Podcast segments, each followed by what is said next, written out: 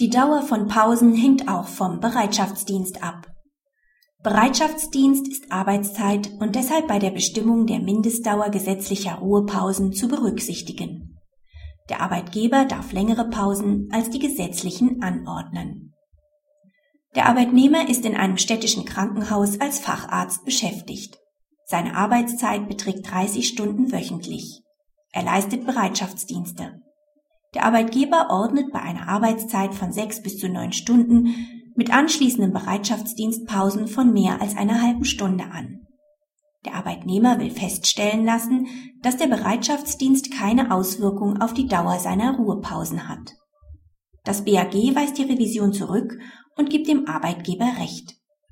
Zum einen ist dieser berechtigt, längere Pausen als die in 4 Arbeitszeitgesetz geregelten Ruhepausen anzuordnen. Denn die gesetzlichen Pausen sind Mindestpausen, die der Arbeitgeber Kraft seines Weisungsrechts verlängern darf.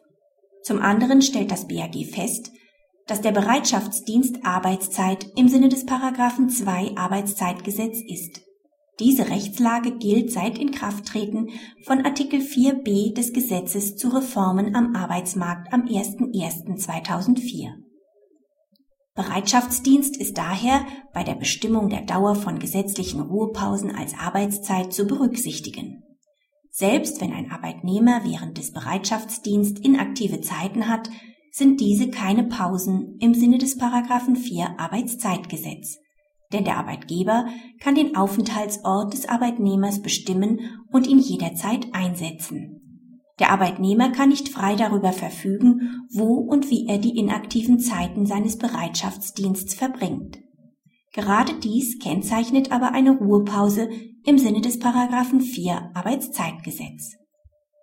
Praxishinweis. Bereitschaftsdienst ist Arbeitszeit.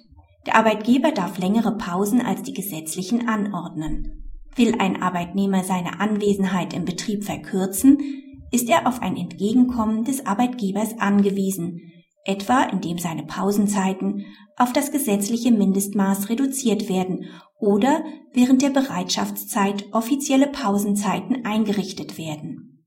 In diesen Pausen muss der Arbeitnehmer allerdings außer Bereitschaft sein, weil sich Bereitschaftsdienst und Pausenzeiten ausschließen